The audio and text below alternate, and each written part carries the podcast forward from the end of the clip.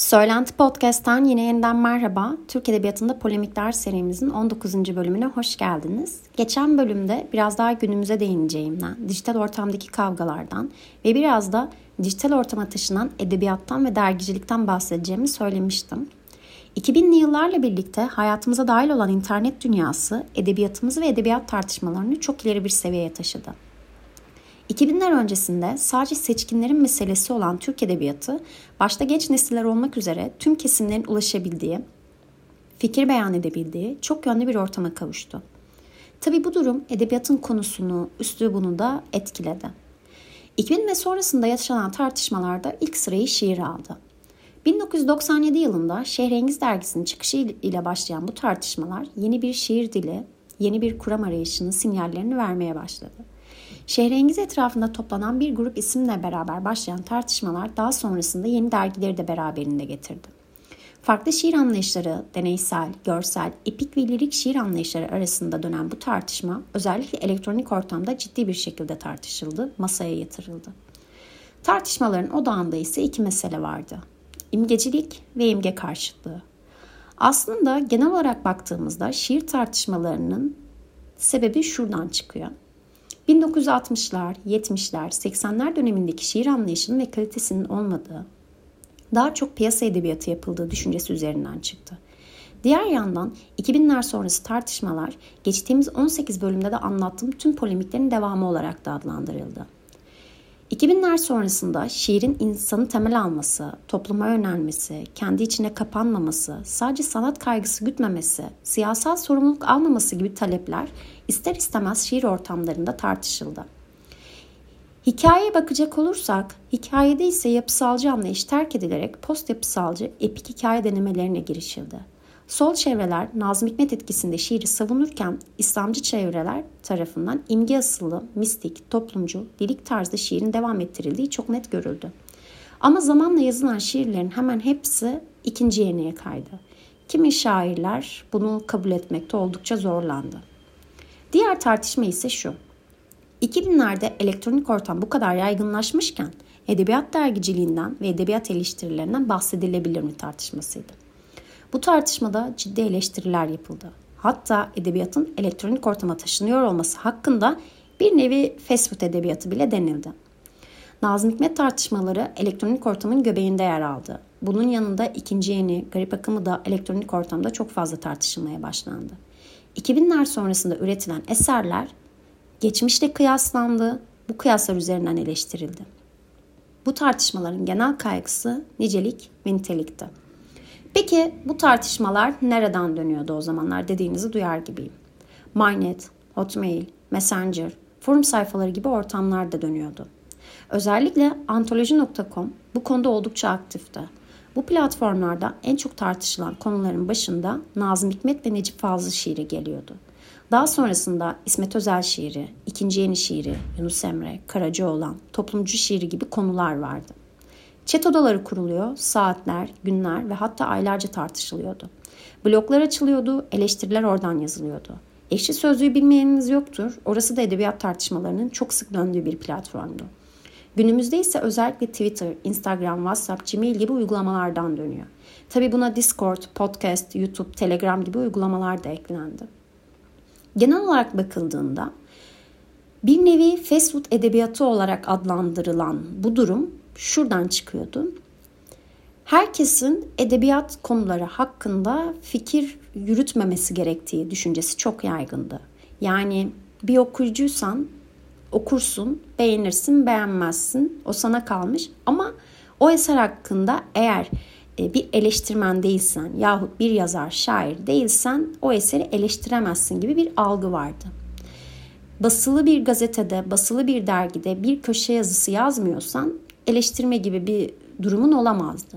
Fakat elektronik ortam, dijital ortam yani bunu kırdı ve herkes her eser hakkında belli bir saygı çerçevesinde kendi düşüncelerini çok rahat bir şekilde ifade edebilir hale geldi.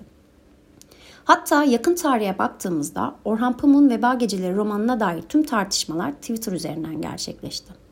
Eleştirmenlerin, okuyucuların, yazarların pek çoğu Twitter üzerinden romana dair pek çok eleştiride bulundu. Hatta romanı seven, beğenenler de bu eleştirilere karşı çıkarak başka bir e, eleştiri sundular. Yayın evi de esere yönelik yapılan eleştirilere sosyal medya üzerinden bir başkasının açıklaması yayınlayarak yanıt vermişti. Çünkü yapılan eleştiriler çok ciddi ve sert eleştirilerdi. Diğer yandan sadece Türk Edebiyatı değil, dünya edebiyatında da pek çok eserin tartışılması sosyal medya üzerinden gerçekleşiyor. Baktığımızda yeni öykü yazarlarına, hatta genel olarak yeni yazarlara, yeni şairlere eleştiriler bu platformlar üzerinden yapılıyor. Bir eserin sosyal medyadan reaksiyon alması çok hızlı gelişiyor. Kimi yazarlar, şairler sosyal medyada eserlerini tanıtarak okuyucusuyla buluşuyor. Elbette 2000'lerin başlarında var olan konjektürle günümüz konjektürü çok farklı. Fakat hızla gelişen bir teknoloji çağında edebiyatın dijital ortama taşınması bir zorunluluk haline geldi. Demek de çok yanlış olmaz bence. Hatta geçmişte bazı uygulamalar üzerinden e, yazarlık da yapılıyordu. Kitaplar hatta o uygulamalarda beğenen beğenilen eserler kitap haline dönüyordu.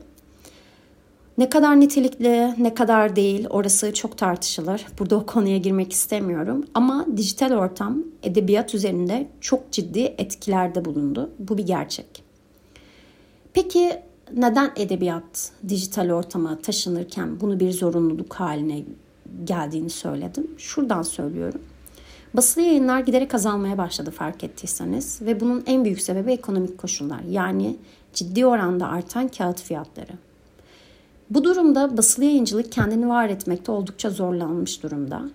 Kapanan pek çok dergi mevcut ve ne yazık ki kapanmaya devam eden dergiler de var. Kitap fiyatları da oldukça arttı. Artık e-kitaplara yönelmeye başlanıldı.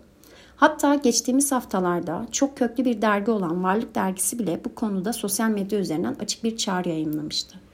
Bunu göz önünde bulundurduğumuzda dijital ortam edebiyat için kaçınılmaz bir seçenek oldu. Ve artık basılı dergicilikte bitti, e-dergicilik ortaya çıktı. Madem bu konuları konuşuyoruz, burada en güzel örnek benim de içerisinde bulunduğum Söylenti Dergi'den bahsetmek bence. Söylenti dergi ilk olarak basılı yayın olarak çıkarken artan kağıt fiyatları nedeniyle basılı yayını durdurarak kendini dijital ortama taşıdı.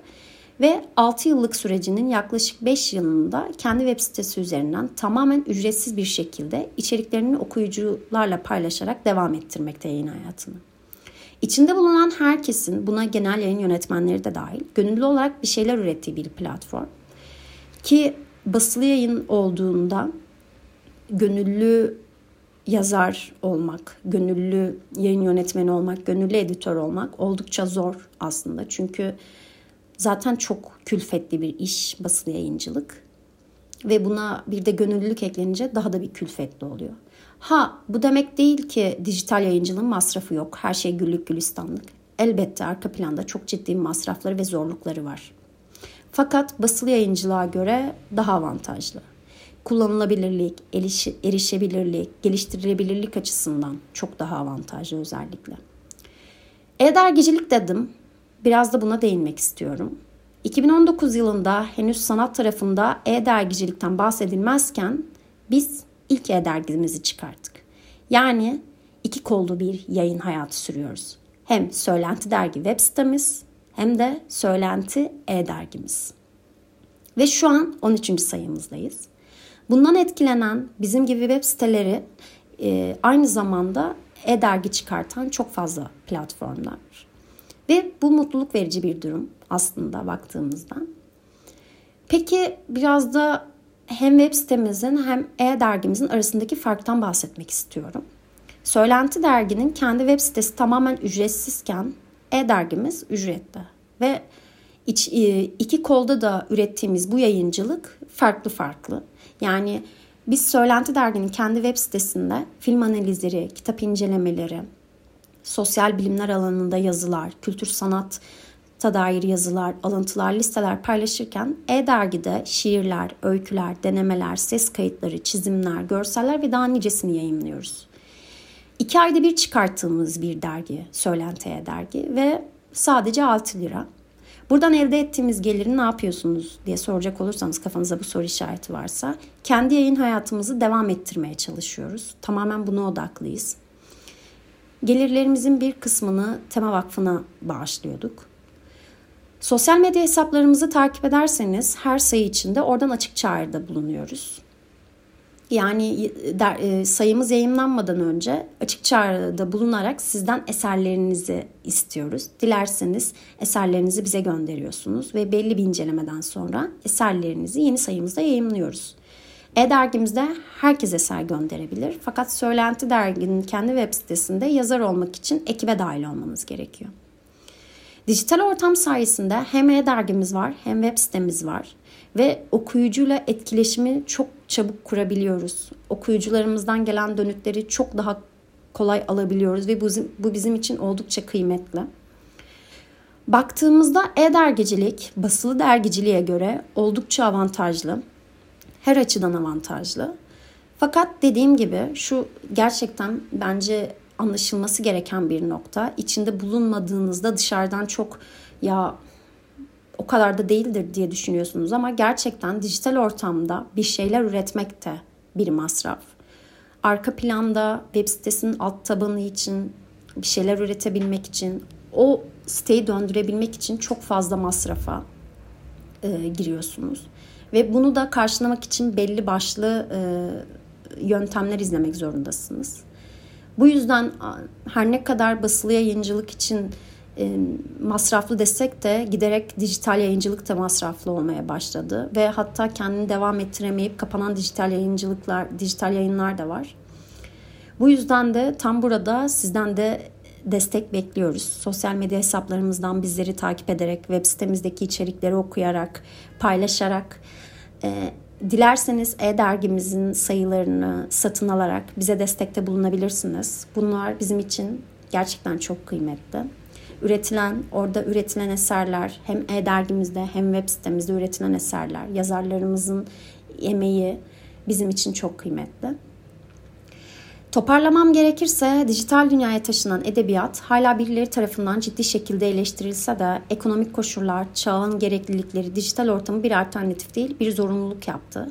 Basılı yayınlar dahi okuyucusuyla etkileşimini sosyal medya üzerinden sağlıyor. İçinde bulunduğu krizleri sosyal medyadan duyurabiliyor. Okuyucular, eleştirmenler eserleri sosyal medya üzerinden eleştirebiliyor. Bunun için bir gazeteye ya da bir dergiye ihtiyaç duymuyor. Biz şu an dijital ortam sayesinde sizlerle 19 bölümdür etkileşim halindeyiz ve burada edebiyatı tartışabiliyoruz. ve bu bizim için gerçekten e, büyük bir avantaj. Sözlerimi burada bitiriyorum. Az önce de dediğim gibi dilerseniz bizi sosyal medya hesaplarımızdan takip edebilir bölümlerle alakalı, diğer podcast yayınlarımızla alakalı dönütlerinizi bize oradan iletebilirsiniz.